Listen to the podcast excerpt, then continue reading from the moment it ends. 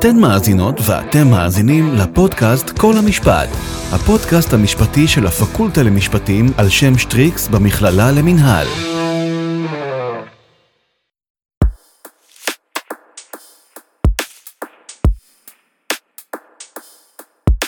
שלום, וברוכים הבאים וברוכות הבאות לפודקאסט כל המשפט, הפודקאסט המשפטי של הפקולטה למשפטים במכללה למינהל. אני אביר זוארץ, ואני סער לוי. היום אנו נעסוק בבג"ץ הפונדקאות. אחרי 12 שנה שהתיק נידון בבית משפט, בג"ץ החליט בתיק איתי ארד פנקס נגד הוועדה לאישור הסכמים, כי הסדר הפונדקאות המעוגן בחוק אינו חוקתי. בתוכנית זו נדון מספר שאלות, כמו למשל מדוע התקבלה החלטה רק 25 שנה אחרי שנחקק חוק הפונדקאות, מה הביא את בג"ץ להחלטה הזו, וכיצד היא הולכת לשנות את חייהם של זוגות הומוסקסואלים רבים. אך לפני שנתחיל, אנחנו נרגשים לארח היום את פרופסור אייל גרוס, חבר בכיר בפקולטה למשפטים של אוניברסיטת תל אביב, בה הוא מלמד וחוקר משפט בינלאומי ומשפט חוקתי. כיהן כחבר הנהלת האגודה לזכויות האזרח בישראל והיה יועץ המשפטי בהתנדבות של האגודה למען הלהט"ב בישראל. אז פרופסור אייל גרוס, שלום רב, אנחנו שמחים שהצטרפת אלינו. שלום וברכות על הפודקאסט. תודה רבה. תודה רבה. אז uh, תחילה, לפני שנדון בעובדות ותוצאות פסק הדין, האם תוכל לספר לנו מה היה המצב המשפטי בהליך הפונדקאות טרם הקביעה של בג"ץ? אה, למעשה אחרי שחוק הפונדקאות שבעצם בשמו הרשמי חוק הסכמים לנשיאת עוברים נחקק אז uh, החוק בהתחלה התיר רק כשמדובר בבני זוג גבר ואישה. ובהמשך היה תיקון שאפשר גם לאישה יחידה. אז בעצם עד פסק הדין היו במצב שהחוק אפשר לזוג של גבר ואישה להיכנס להסכם לנשיאת עוברים מה שמכונה הסכם פונדקאות עם פונדקאית וכאמור רק בשנים האחרונות זה תוקן גם לאפשר לאישה יחידה ולא כחלק מזוג. אבל למעשה זה לא אפשר לגברים בפרט לזוג גברים אה, לעשות אה, בישראל הסכם פונדקאות. אה, כפי שידוע אז יש היו גברים ובפרט בני זוג מאותו מין שעשו פונדקאות בחול. אגב היו גם זוגות של גברים ונשים שעשו פונדקאות בחול בכל מיני סיבות למרות שהחוק אפשר להם לעשות בארץ אז צריך להפריד בין פונדקאות בישראל לפונדקאות בחול פונדקאות בישראל עד פסק הדין לא התאפשרה לבני זוג מאותו מין לגברים כאשר בעצם ההשלכה העיקרית היה באמת על, על, על גברים אה, שהם הומואים. אה, לצורך העניין אז החקיקה היא החקיקה הראשונית הייתה ב-96 נכון היא התחילה שם חוק הפונדקאות היה ישראל הייתה בין המדינות הראשונות שבעצם אה, התחילו עם, עם הפונדקאות. אה, כן בין המדינות הראשונות לפחות שהסדירו את זה בחוק אה, כי צריך לזכור שיש מדינות אני לא בטוח אם הראשונות שהתחילו את זה זה צריך לבדוק אבל מבחינת חוק זה נחשב אה, אחד מחוקי הפונדקאות הראשונים אם לא הראשון. זה לא אומר שלא קיים בלי חוק. יש מדינות בעולם שבהם יש כל מיני אזורים אפורים ודברים קיימים דרך פסיקה או, או ובלי חקיקה ספציפית למעשה כמה שידוע לי בארצות הברית למשל. יש מדינות שבהם יש חוק שמסדיר את הנושא יש מדינות שבהם יש חוק שאוסר את הנושא יש מדינות שאין חקירה ספציפית ואז הפסיקה פיתחה נורמות בנושא. Uh, חשוב לציין שהדיון שניהל בג"ץ בפסק הדין הוא אינו עוסק בשאלת הפונדקאות uh, עצמה כלומר הוא לא דן בשאלה אם הפונדקאות צריכה להיות אלטרואיסטית או מסחרית, מסחרית סליחה או האם ראוי בכלל לקדם הליכי פונדקאות במדינה. למרות זאת למען המאזינים ובשביל לעשות סדר אה, נודה לך אם תרחיב על מהם סוגי הפונדקאות הקיימים היום בעולם וכיצד באה לידי ביטוי הזכות להורות והזכות לקיום תא משפחתי בחוק הבינלאומי בכלל ממוקמת ישראל ביחס אליו. אז, אז בעצם יש כאן כמה שאלות שונות הזכות להורות יש הרבה שמכירים בה כחלק מהזכות לחיי משפחה שהיא אה, מוכרת במשפט הישראלי וגם בבינלאומי מדברים עליה אבל יש לה הרבה צורות אחרות רבות ואני לא חושב שיש בדיוק זכות לפונדקאות יש זכות להורות ואז השאלה איך באמת מה מה מה הדרכים לממש אותה ואני חושב שבנושא הזה כמו שאמרת עיקר ההתמקדות בעצם אה, מה שהוביל לפסק הדין זה יותר שאלת השוויון כלומר שהפונדקאות הותרה וקיימת כדרך למימוש הזכות להורות בישראל אבל בצורה מפלה. מדברים הרבה פעמים באמת על ההבדל בין פונדקאות מסחרית לאלטרואיסטית. אה, אין בישראל שוק חופשי של פונדקאות. החוק בישראל קובע שיש פונדקאות והפונדקאית תקבל תשלום שהוא סוג של פיצוי על אובדן זמן, על כאב סבל וכולי. ולכן אפשר להגיד שזה בעצם סוג של פונדקאות אלטרואיסטית כלומר זה לא שוק חופשי שמשלמים לה איזשהו שכר על זה היא מקבלת תשלום שמפוקח על ידי ועדה שיושבת במשרד הבריאות הוועדה שמאשרת את ההסכמים והתשלום הזה נחשב פיצוי עבור הזמן שהיא איבדה וכולי. עכשיו אני לא מכיר כמעט פונדקאות אלטרואיסטית שאין שום תשלום.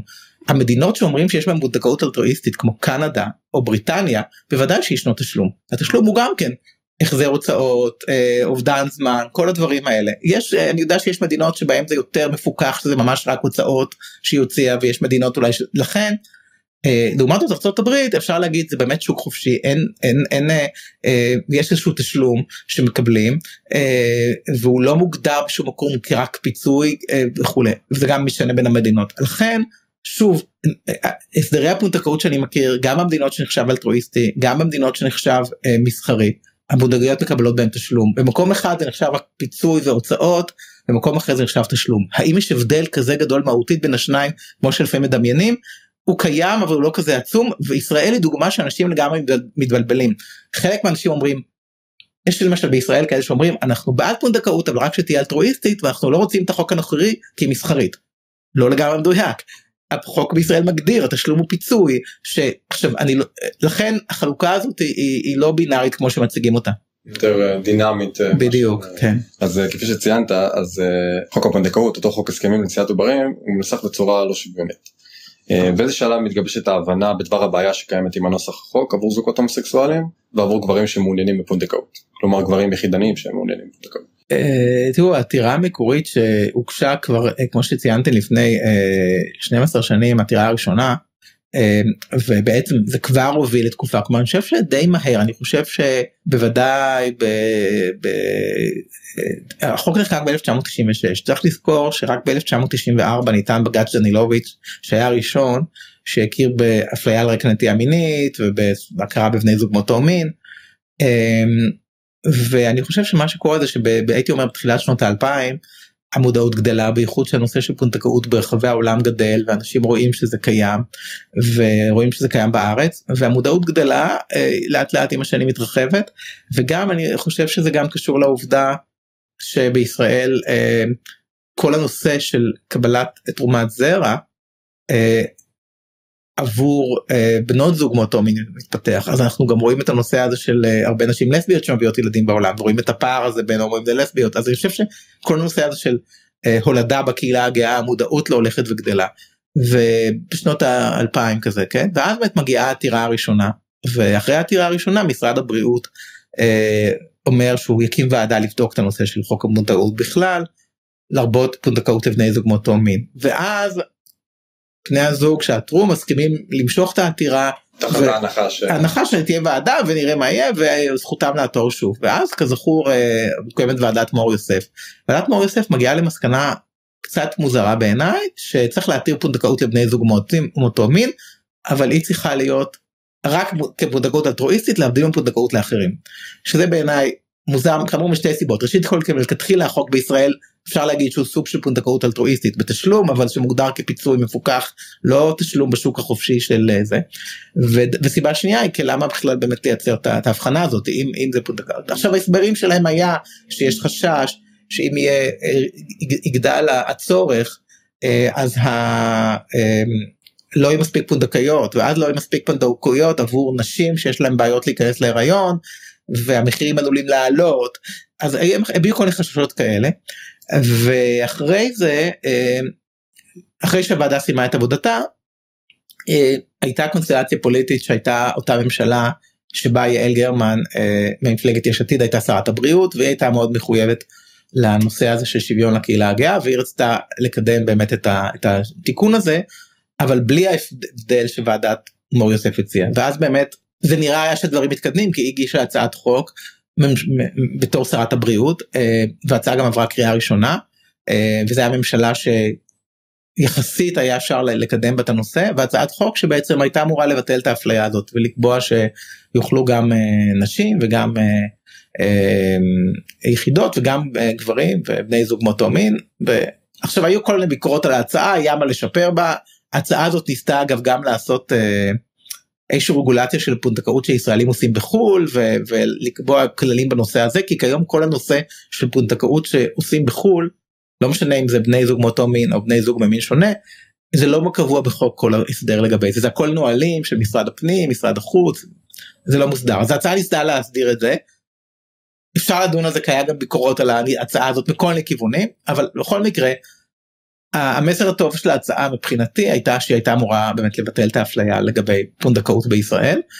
וההצעה עברה קריאה ראשונה ואז אה, ראש הממשלה דאז נתניהו החליט אה, ללכת לבחירות חדשות הממשלה התפרקה היו בחירות חדשות והממשלה הבאה הוא כבר עשה קואליציה במקום יש עתיד עם המפלגות החרדיות ושר הבריאות היה יעקב ליצמן מיהדות התורה והדבר האחרון שהוא רצה לעשות זה היה לקדם את זה אז ההצעה לא קודמה הלאה מעבר לקריאה ראשונה ואז היה אה, באמת אה, יעל גרמן מהאופוזיציה ניסתה להביא את ההצעה שוב וזה לא עבר כמובן.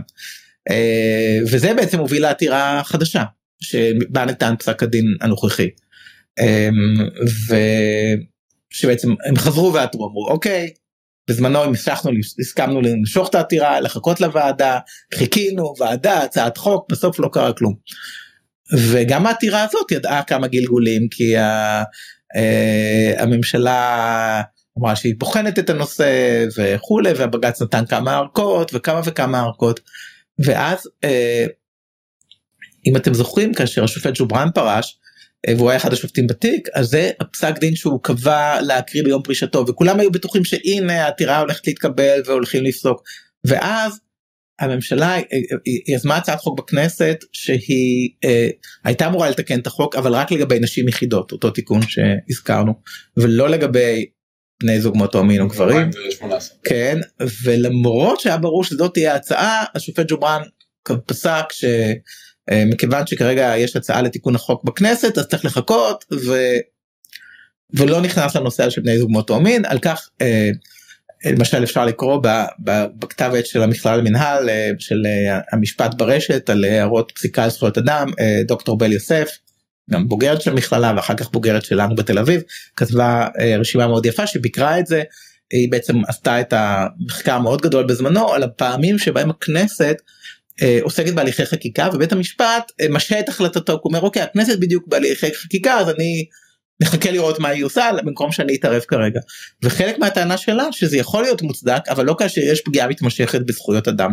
בעיניי ובעיניה כמי שחקרה את הנושא הזה ספציפית וכתבה על זה זה בדיוק היה מקרה שלא היה מוצדק שבית המשפט נתן עוד ועוד ארכות כי הפגיעה המתמשכת בזכויות אדם הלכה והתארכה.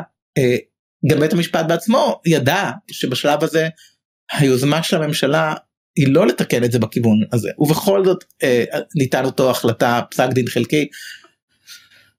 ואז באמת אה, עבר התיקון והסתבר שכצפוי התיקון לא יכיל בני זוג מאותו מין. אם אתם זוכרים כאשר התיקון עבר היה הרבה רעש פוליטי על זה.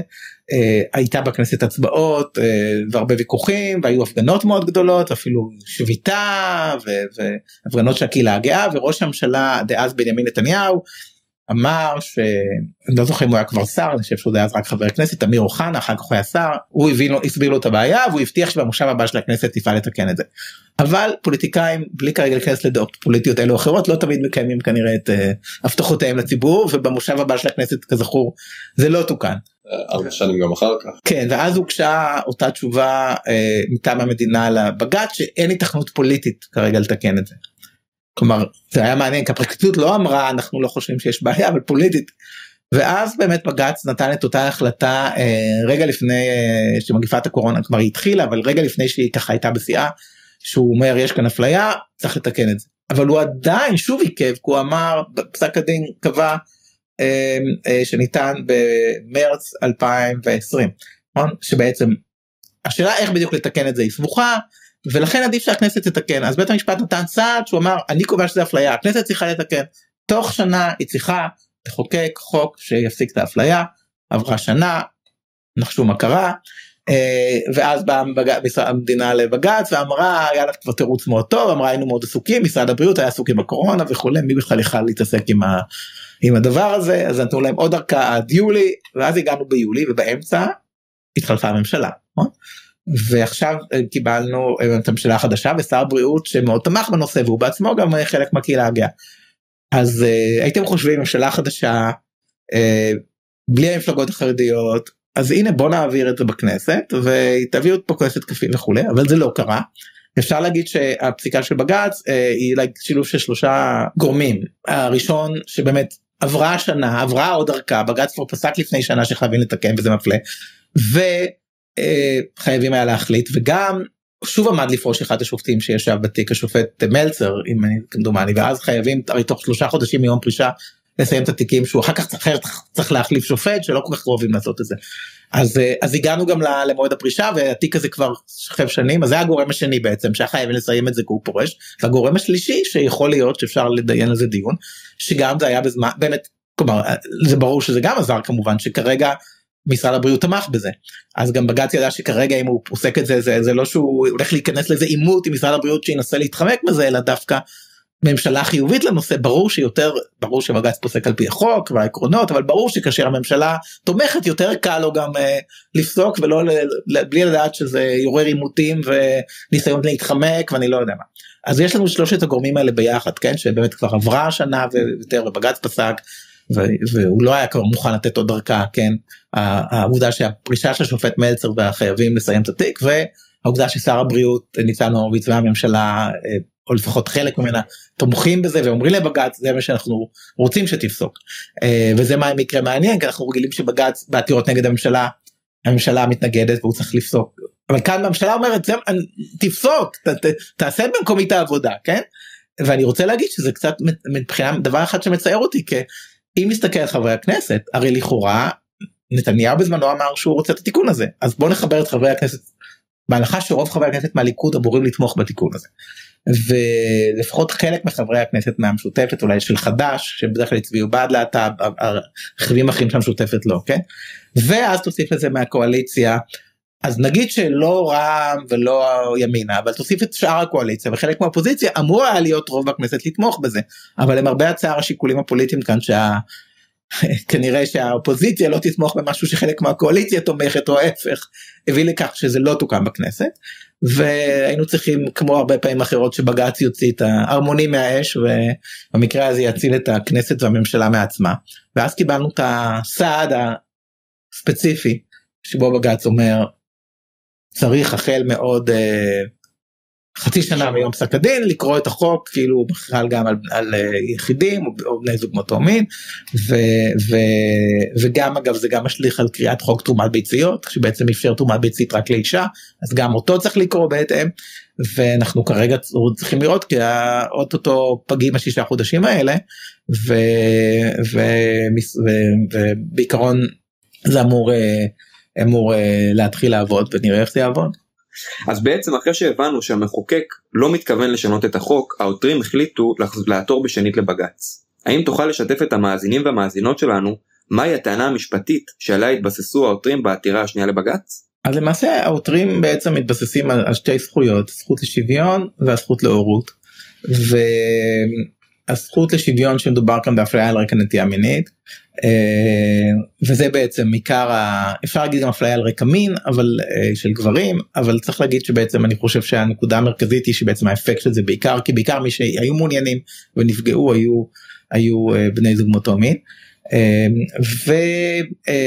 והטענה לגבי הזכות להורות ש...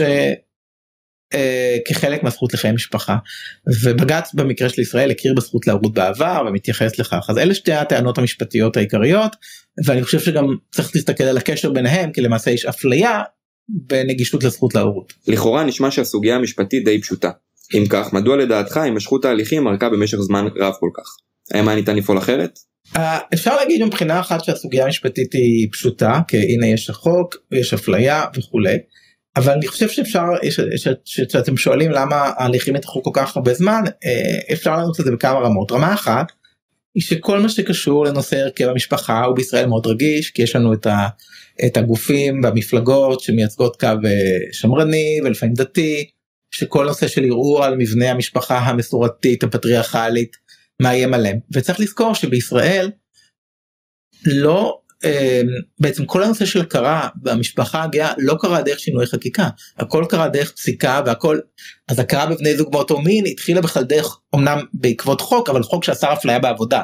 כל הנושא של הורות אז גם כן קרה דרך התחיל עם הכרה בהורות של בנות זוג מאותו מין באפשרות של כל אימא להיות מוכרת גם כאימא של הילדים הלא ביולוגיים התחיל עם פסק דין ירוס חקק ולפני זה ברנר קדיש דרך גם כן בירוס חקק דרך ככה מין פרשנות עקיפה של הוראות בחוק האימוץ בלי שום שינוי חקיקה. אז כל הנושא של ההכרה במשפחה הגאה הכרה בצעדים מאוד הדרגתיים דרך פרשנות של בתי משפט ונושא של הורות אולי עוד יותר רגיש ואני חושב שזה סיבה אחת שזה מין עכשיו היה נושא כזה שכן שהוא רגיש כי זה להיכנס לנושא מבנה המשפחה ולהכיר בתי משפחתיים אחרים. אמ, סיבה שנייה שאפשר להגיד כלומר הייתה טענה לאורך השנים שלמרות שאני מסכים שזה משפטית זאת התשובה זה פשוטה. הייתה טענה שבית המשפט דחה שהסדר הפונדקאות אה, הוא הסדר שנועד למקרים מאוד יוצאי דופן של נשים שלא יכלו להיכנס להיריון ואלה מקרים מעטים יחסית ונשים שלא היה להם שום פתרון אחר לגבי כניסה להיריון וטיפולי פוריות לא עזרו להם מה שמכנים מקרי קצה ו, ועל כן אה, ושהרחבתו ברגע שנפתח לבני זוג מאותו מין מדובר בהרבה יותר מקרים אנחנו לא יודעים איך זה ישפיע עליו אנחנו לא יודעים אם יהיו מספיק פונדקאיות איך זה ישפיע באמת על, על העלות של פונדקאות איך זה ישפיע על התנאים של פונדקאיות. אז היה את הטענה הזאת שאני חושב שהיא גם כאלה שהשפיע היו כאלה שהשתכנעו ממנה כן?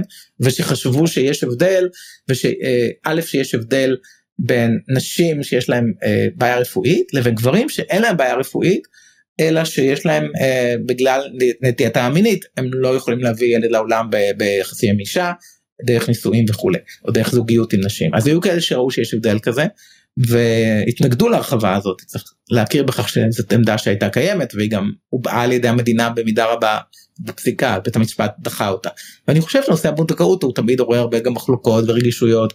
אז אולי זה חלק מהסיפור. וגם העובדה שכאן כל הזמן המדינה אמרה היה למדינה את היחס הדואלי הזה. כלומר יכול להיות שזה היה נגמר יותר מהר אם המדינה מלכתחילה הייתה אומרת לא לא ולא. אז בג"ץ היה צריך להחליט אבל המדינה אמרה אולי נקים ועדה נבדוק את זה. ואחר כך בעתירה השנייה המדינה אמרה אנחנו בודקים אנחנו עושים את זה תיקוני חקיקה. אז למרות שבשלב מסוים היה מאוד ברור שתיקוני החקיקה האלה לא יפתרו את הבעיה עדיין היה את המין כזה כן אולי אנחנו בודקים ונעשה תיקוני חקיקה אז אז אני חושב שזה עוד דבר שעיכב את זה. אז לאחר תיקון החוק נראה שנוצרה קצת סתירה פנימית. אה, מצד אחד המדינה החליטה לאמץ את הטענה שפונדקאות היא פתרון לבעיה רפואית אה, עבור נשים רווקות או זוג של גבר ואישה שאינם יכולים להביא ילדים ולא את עקרון הזכות לחיי משפחה כפי שנקבע בפסקי דין רבים וגם נגעת בזה אתה. מצד שני עידוד הילודה בארץ לעומת מדינות אחרות ומרחבים שקיימים היום בעולם. בין אם זה פונדקאות, תרומת זרע, הקפאת ביצית וקצירת זרע מהמת אפילו. אה, כיצד שתי התפיסות האלה מתיישבות אחת עם השנייה? אז, אז אני חושב שפונדקאות אה, היא לא הליך רפואי היא לא רק הליך רפואי, הפריה חוץ גופית היא הליך רפואי, פונדקאות הוא הסדר חברתי. וזה התשובה שלי לעמדה שטענה שפונדקאות הוא הליך רפואי עבור נשים שלא יכולות ללדת.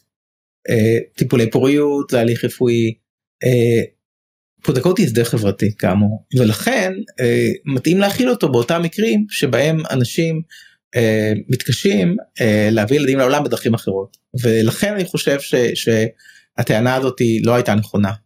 שהמדינה אמרה כפי שהעלית אותה. ואכן גם בג"ץ אפשר להגיד שלא קיבל אותה בעצם.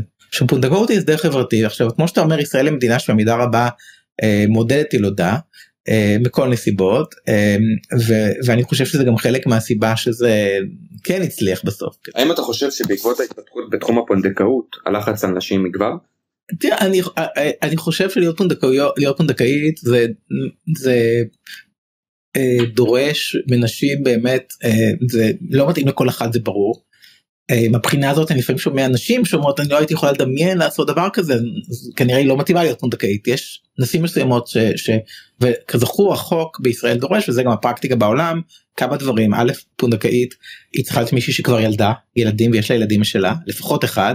הרבה פעמים זה גם יותר מאחד כלומר היא יודעת מה זה עבור הלידה והיריון. נכון שכל הריון ולידה יכולים להיות שונים אבל היא בכל זאת חוותה את זה והיא יודעת מה זה עבורה. ודבר נוסף שכאמור יש הליכים על ידי הוועדה שבודקים את ההתאמה שלה ובודקים גם שהיא לא עושה את זה מאיזה מצוקה כלכלית מאוד גדולה לפחות אמורים לבדוק. אז אני, אני לא בטוח שזה ייצר לחץ אני חושב שיהיה יותר צורך ויכול להיות שבאמת יהיה יותר אנשים שיחפשו פונדקאיות. אני לא חושב אני מקווה שלא שזה לא ייצור לחץ אלא אולי זה ייתן יותר הזדמנויות לנשים שרצו להיות פונדקאיות או שרוצות להיות ויעורר עניין אבל לחץ לאו דווקא אני מקווה שלא אבל אני חושב שחשוב שהוועדה תפקח שאנשים לא נכנסו לתוך איזשהו לחץ או מתוך איזה מצוקה כלכלית לפונדקאיות מתי הן נפגעות הרבה שחושבים כי הן צריכות למצוא את הילד לא אגב עוד דרישה בחוק הישראלי וברוב המדינות כיום ה... יש תרומת ביצית הילד הוא גם לא גנטית של פונדקאית. אין כיום כזה כמעט בעיה כזאת שבנטוקאיות מתקשות לתת את הילד, פונדקאיות קוראות לזה להחזיר את הילד. אומרות קיבלנו אותו למשמורת ואנחנו מחזירות אותו, הוא לא שלנו. מה לפי המחקרים שאני יודע להם ואני זה לא תחום המחקר שלי אבל שאני שומע מחוקרים בתחום הזה מתי פונדקאיות כן מרגישות שאין להם יחס טוב עם ההורים היהודים או לא יחס הוגן או שהיחס לא נמשך אחר כך? כי היחסים עם ההורים היהודים והתחושה שהם עזרו להם להקים משפחה זה הדבר שהכי בעצם גורם לפונדקאיות את שביעות הרצון מהתהליך. יותר מהכסף בדרך כלל ו- ו- ואם יש קושי זה כי היחסים האלה לא, לא היו טובים. לא בזה שהילד הוחזר או נמסר להורים היהודים. אז זה אני חושב דברים שצריך לחשוב עליהם כשמדברים על פונדקאות בישראל. אה, ו, ו, ו, אבל אם מדברים על לחץ אז דווקא אני רוצה להכניס ממד אחר של לחץ לסיפור שהוא מעניין. והוא החברה הישראלית מאוד לוחצת על נושאים להיות הורים. זה מסר שאנחנו כולנו מקבלים אתם צריכים להביא ילדים כמו שדיברנו קודם. ו, ו, אה, פעם אפשר להגיד שפחות לחץ כזה על הומואים כי כאילו לא היה להם את האפשרות עכשיו זה מאוד פגע בהומואים שרצו להביא ילדים לעולם אבל היום אם אתה בחור הומו אתה גם מצד אחד מקבל את הלחץ למה אתה לא מתחתן ומביא ילדים עכשיו אפשר מצד שני לא כל כך אפשר זה מאוד קשה לעשות את זה. אה, פונדקאות הוא הליך שהוא גם יקר כלכלית גם בארץ זה לא משהו שכל אחד יכול להרשות לעצמו בוודאי בחו"ל. הוא מסובך רגשית משפטית בוודאי כלכלית וכולי והוא לא מתאים לכל אחד. אז אני חושב שכיום אנחנו צריכים אחד הדברים שיהיה מעניין לראות או, או אפילו קצת מדאיג שמצד אחד אנחנו נראה על הרבה גברים הומואים צעירים מצד אחד את הלחץ שכל החברה הישראלית מקבלת בייחוד נשים אבל גם גברים. למה אתם לא עושים ילדים? ומצד שני לא כל אחד יוכל לעשות את זה כי זה עדיין יהיה יקר גם בארץ לעשות את זה. עדיין מדובר על כמה מאות אלפי שקלים. אמ, ונכון שיש אפשרות להביא ילדים באמצעות הורות משותפת שזה בלי העלות הזאת אבל עם אישה אבל זה גם לא משהו פשוט הורות משותפת יכולה להיות דבר נהדר אבל היא לא מתאימה לכל אחד זה משהו שאומר שאתה הולך להביא ילד לעולם ולגדל אותו עם מישהי שלא הייתה בת זוג שלך שאולי היא חברה טובה ואולי רק הכרת אותה לצורך העניין. אמ, אגב אם לך יש בן זוג או לה יש בת זוג ואתם רוצים לחשוב על שלושה או ארבעה הורים המשפט לא מכיר עדיין בהורים הנוספים אלא רק בשניים ועל זה יש היום מאבקים משפטיים שבינתיים לא הצליחו. בנימה צופה פני עתיד מה לדעתך תעשה ההרחבה הזאת להליך הפונדקאות? אה, אתה יודע מה יקרה בעתיד קשה לדעת כי עוד לא קרה. אה, הנבואה כידוע ניתנה לשוטים. אה, אז אפשר רק לחשוב מחשבות בקול רם. אז אז כנראה שכאן הצורך יגדל כן כלומר יהיו יותר אנשים שירצו פונדקאות מאשר קודם ואחת השאלות שעלתה הרבה היא האם זה ייצר תור ארוך האם יהיה לא יהיה מספיק פונדקאיות. עכשיו צריך להדגיש המילה תור כאן היא לא לגמרי מדויקת כי פונדקאות זה לא כמו אימוץ שזה מנוהל על ידי הממשלה בצורה ישירה. ההסכמים צריכים אישור של הוועדה אבל אתה צריך למצוא פונדקאית בעצמך או באמצעות יש סוכנויות שמסייעות בזה ויש אתרי אינטרנט וכולי לכן אף אחד לא ברור לו בדיוק איך זה יקרה. אה, מן הסתם יהיה יותר אנשים שירצו פונדקאיות כי יהיו גברים הומואים אה, בני זוג מאותו מין או גברים אגב תאורטית גם יכול להיות גברים סטרייטים אה, רווקים שירצו לעשות אה, פונדקאות בישראל להביא לעולם ילד באמצעות פונדקאות בישראל. ו, ו, אה, מה יקרה כאשר באמת יהיה יותר צורך? האם יהיו מספיק נשים שיהיו מעוניינות בכך או שמא ייקח לך הרבה זמן עד שתמצא פונדקאית? אנחנו לא יודעים להבנתי ואנחנו גם לא יודעים אגב מה היו הכללים שהוועדה בדיוק תקבע. להבנתי לפי רוח הפסיקה הוועדה לא אמורה לקבוע כללים מיוחדים או חריגים לנושא זה אמור להיות אותם כללים. Uh, הוועדה לא אמורה לתעדף זוגות כאלה או אחרים. א' זה יפר את הפסיקה ב' הוועדה uh, להבנתי כן היא לא כאמור היא לא בעצם היא לא מנהלת איזה תור היא לא היא לא נותנת עדיפות לזוג כזה או אחר. היא בעצם מאשרת הסכמים שאתה מגיע אליהם כן, היא מאשרת פונדקאיות, מאשרת טורים מיועדים, מאשרת את ההסכם ביניהם. אה, לקראת סיום, גם במהלך פסק הדין וגם בפסקי דין נוספים, בג"ץ מתייחס לזכות להורות ולזכות לשוויון. האם אתה חושב שלאחר הפרשנות שניתנה בפסק הדין לזכותם לשוויון של גברים וזוגות הומוסקסואלים, תהיה התפתחות נוספת בנושא? כמו למשל שיח על הפן הכלכלי שנדרש כדי לממש את הזכות להורות, תראה זו שאלה מאוד, אה, מאוד מעניינת ואני בדיוק כותב עכשיו מאמר, המחקר שלי הנוכחי הוא על הרקע כלכלי ואני מתחיל את המאמר בש, בשאלות הבאות מה היה קורה אם אה, משפחת קעדאן הייתה אומרת שמפלים אותם לקנות בית לא כי היא ערבייה אלא כי היא לא יכולה אין לה כסף לשלם על הבית. ואז אני ממשיך מה היה קורה אם משפחת ארד פינקס הייתה אומרת שמפלים אותה בנגישות לפונדקאות לא בגלל שהם אה, הומואים אלא כי הם לא יכולים לשלם את המחיר של עלות פרוטוקול בישראל. אז המאמר מתחיל בדיוק עם השאלות האלה קלעתם לדעתי ומתחיל לשאול מה הפסיקה עד היום אמרה בישראל על אי שוויון כלכלי ומתי הוא מפלה ומתי לא ואפשר פעם לעשות על זה פודקאסט נפרד כי זה נושא מרתק. אה, מה יקרה? אין לי תשובה. כרגע עד היום תהליך המונדקאות בישראל לא מומה וזאת לא שאלה שהיא ייחודית לבני זוג מאותו מין היא רלוונטית כמובן גם לבני זוג ממין שונה גברים, זוג של גבר ואישה שכיום נדרשים לפונדקאות. אמ, אה, אז אני חושב שבגדול ברגע שחושבים על זה כסוג של אה, אה, משהו שהוא חלק מבאמת נגישות לזכות שלך להורות אז זאת שאלה שצריך לחשוב עליה וצריך לחשוב האם צריך שהמדינה תעשה איזה תוכנית של סיוע לזוגות שעומדים בכל הקריטריונים האחרים כיום בצורה בלתי מפלה ו... אבל לא יכולים לשלם את העלות הזה. אה, עכשיו אני יודע שיש כל מיני פתרונות של הלוואות ודברים אחרים אבל זה משהו שצריך לחשוב עליו כי כדי שזה לא יהיה משהו שהוא באמת רק לעשירים כי גם שוב למרות שנכון שבארץ זה יהיה פחות יקר מאשר לעשות את זה בחול מהרבה סיבות אבל עדיין אה, גם את ה-160 אלף שקל זה רק עלות לפונדקאית ואחר כך ישאלו עוד הוצאות והוצאות משפטיות והוצאות שונות. אז אני חושב שמשהו צריך לחשוב עליו. אה, אני לא חושב שזה יקרה מחר אבל אני חושב שצריך לחשוב על זה. נכון שהפונדקאות היא לא בדיוק שירות שהמדינה נותנת אבל, אבל שירות שהמדינה מאפשרת היא מאוד מעורבת בו היא מפקחת על ההסכם הוא יש לו הרבה מה כאילו זה לא איזה הליך פרטי שאתה עושה בעסקה פרטית והוא נוגע להורות ואני חושב שבהחלט צריך לחשוב גם על שוויון כלכלי בהקשר הזה.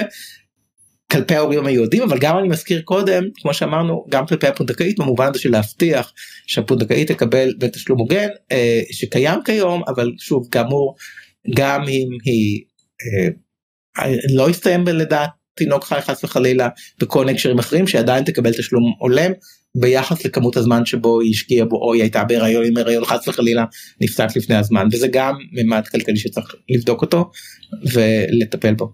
הגענו לסיום הפודקאסט ואנחנו רוצים להודות לכם שהייתם איתנו. מוזמנים לעקוב אחרי הפודקאסט המשפטי שלנו כל המשפט בפייסבוק באינסטגרם ובטוויטר. תודה רבה לפרופסור גרוס. תודה רבה לכם. תודה רבה לך אביר. תודה לך סער. ותודה לכם ולכן על ההקשבה נתראה בפודקאסט הבא.